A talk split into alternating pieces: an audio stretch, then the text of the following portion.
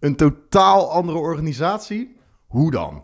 Lennart en Cedric vertellen niet dat je het moet gaan doen, maar hoe je het zou kunnen doen. De podcast is opgenomen in de auto. Stap lekker bij zin. Hallo allemaal! Hallo. Lang geleden Ja. is het lang geleden. Dat voelt voor ons zo. Ja, want Wij- we hebben al een tijdje geen podcast opgenomen. Wij Cedric zitten Marcel. heel weinig met elkaar in de auto. Ja, dat is jammer. Wij zijn bijna alleen maar op, apart op pad. Apartheid. Wat is dat joh? Zonde. Geeft niks. We gaan nu... Ik heb eh, een gaan- hele lange rij van Ja, we podcast topics. Oeh, leuk. Jij mag, jij mag nu gewoon kiezen. Als je, als je, heb je voorkeur nu? Eh, Nu!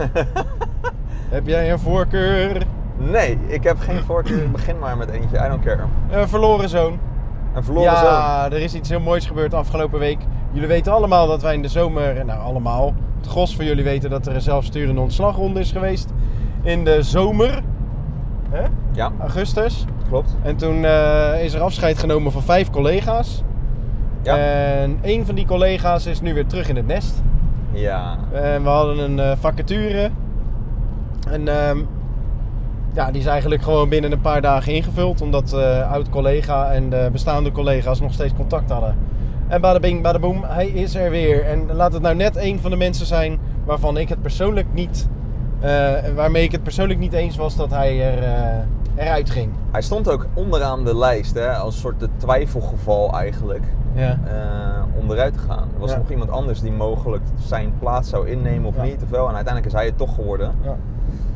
Maar goed, hier valt natuurlijk genoeg over te zeggen, want is dit wel humaan?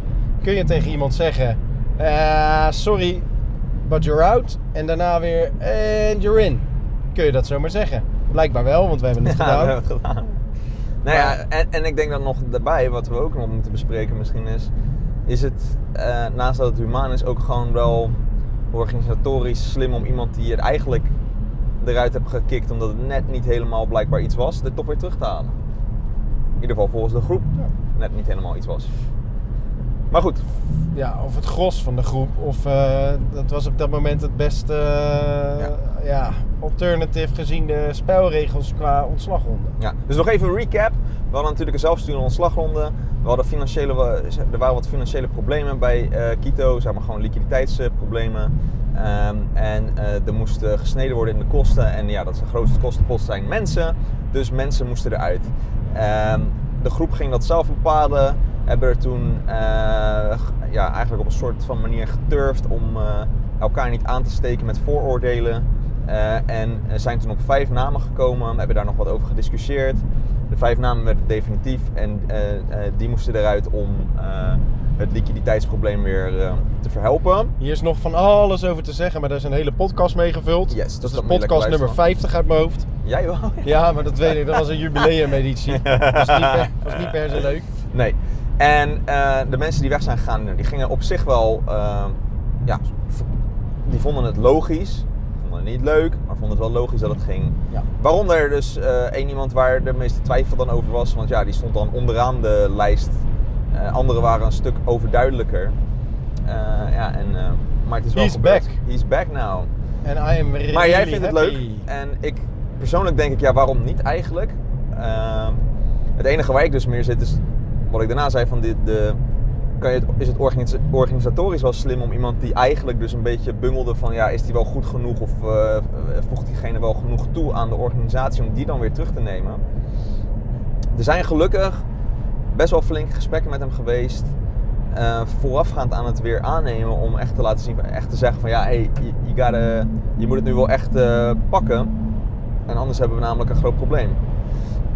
Kan jij even kijken of eh, de opname door is gegaan? Want eh, ik werd net to- toch toevallig gebeld. Ik denk het wel. Dus eh, misschien horen jullie mij niet meer. Ja, opname loopt Het gewoon gaat door. dan door. Prima. dat is grappig. Dus ehm, Nou, er is een andere reden dat ik het fijn vind dat hij er weer is. En dat is dat in het specifieke geval waren wij een werkgever voor hem die bepaalde eh, flexibele eh, mogelijkheden bood. Omdat hij nog wel eens wat gezondheidsproblemen had of heeft. ja, chronisch eh, bepaalde dingen. Ja. En, Dus- en ik vond het daarom heel erg prettig dat wij een, eh, ja, een positief alternatief voor hem waren. En ik snap eh, heus wel dat het hem uiteindelijk niet heeft geholpen in de weging.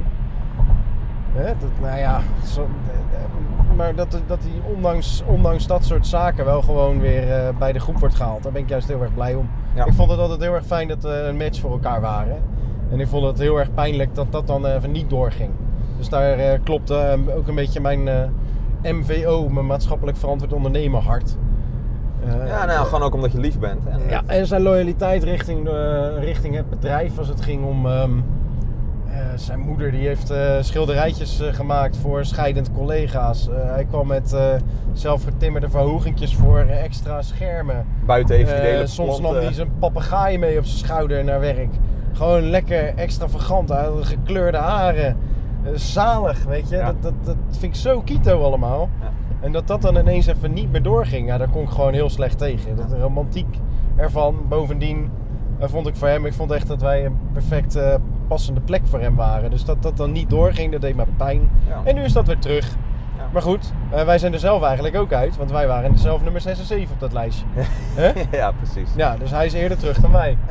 Wij komen ook Ja. niet meer terug, denk ik zo. Nee. Maar eh, ja, nee, ik, vond het, ik, vind, ik ben ook blij dat hij terug is. Ik denk eh, goed voor hem. Ik denk ook wel goed voor Kito. En Ja. ehm, Maar is het dus humaan? Nou ja, daar eh, zijn, heb ik van een, een zijlijn heb ik wel gemerkt dat de groep ook zei... Luister, als wij weer een gesprek met hem gaan voeren... eh, dan moet je eigenlijk al weten dat je diegene weer aanneemt.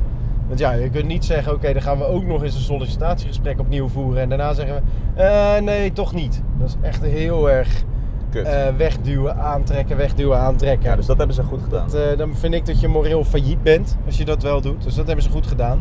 Maar in feite kun je bij een nieuwe collega, of bij, in, in dit geval ook moeilijk zeggen, een andere keer van joh, eh, we verlengen je contract niet. Dat kun je ook heel moeilijk zeggen. Dus je zit wel, als je iemand terughaalt, haal je iemand terug voor het leven. Eigenlijk. ja, tot Dat is mijn zelf, vraag. eh, Ik weet niet welke specifieke afspraken daarover gemaakt zijn. Maar eh, ja, Ja. ik vind dat wel een interessante case. Ja, maar hij moet zich ook gewoon bewijzen. En, ik, en op zich, ik, ik ben wel van mening dat ook, kijk, hij gaat dus nu dan weer aan het werk. Maar stel dat het, eh, misschien zijn we een beetje veranderd in de tussentijd. Of eh, is er iets eh, waardoor hij toch niet helemaal goed uit de verf komt. Ja, ik vind dat je dan toch wel weer het gesprek moet aangaan en zeggen, ja, vind jij nou lekker werken? Nou, toch niet echt, hè? Eigenlijk, het is eigenlijk een soort, ja, het voelt toch een beetje als een soort stoplichtrelatie. Nu is het dan weer aan. Ja. Maar ja, waarom zou het niet weer uit en misschien wel definitief uit kunnen gaan? Ja, op zich. Als het dan, maar ik denk als het nu uitgaat, dan gaat het ook echt niet meer aan. Nee. Dat zou echt retarded zijn. Tenzij die bizarre openbaringen heeft gehad en dat het dan weer helemaal eh, perfect allemaal gaat. Maar dat kan ja, dat is heel lastig dan. Maar ja, Ik vind het eh, trouwens een interessante vraag. Wat is er in zijn eh, perspectief veranderd in die vijf maanden? ja. Want er is natuurlijk, nou ja, de zaak is verbouwd. Dat is gewoon een Fysiek obvious. Zijn hele werkplek is veranderd. Ja. Maar ik ben wel eens benieuwd. Dan gaan we, ga ik binnenkort eens even met hem zitten. Na, na een paar weken. Van joh, wat zijn nou je grootste ervaringen qua eh, ja, dat is wel leuk. veranderingen binnen Quito? Ja. Vooruit gegaan of eh, achteruit of eh, duidelijker. Ja. Misschien wel gestructureerder. Geen idee. Ik ben heel benieuwd. Hey, maar laten we het eens En even breed, breed trekken naar andere organisaties. Stel dat je iemand ontslaat, is het dan oké om hem dan weer terug te hebben? Want niet iedereen doet een zelfsturende ontslagronde, dat begrijp ik. Maar je- sommige mensen die laat je gaan, is het dan oké om ze weer terug te brengen als het dan toch weer beter gaat bijvoorbeeld? Want als het om financiële redenen is geweest en niet zozeer, ja oké, Nou, dat is het minst hele- presterende, maar misschien was het was wel, hij was wel goed genoeg. Hij was, eh, weet je wel. Alleen dat, er moest iemand uit en het kon niet anders. Ja, Nee. Zou je dan iemand niet terugnemen? Ik denk het wel. Waarom niet? Je zegt het, hè? Nu zeg je het. Het hangt helemaal af van de intenties en de context. Ja. Dus in, in ons geval, weet je, heeft, eh, hij heeft er ook begrip voor gehad dat dat destijds zo was. Dus Dat er was, moest. Ja, Ja. hij was niet rancuneus. Eh, hij begreep het. Tuurlijk was hij enigszins rancuneus, was hij er helemaal niet blij mee.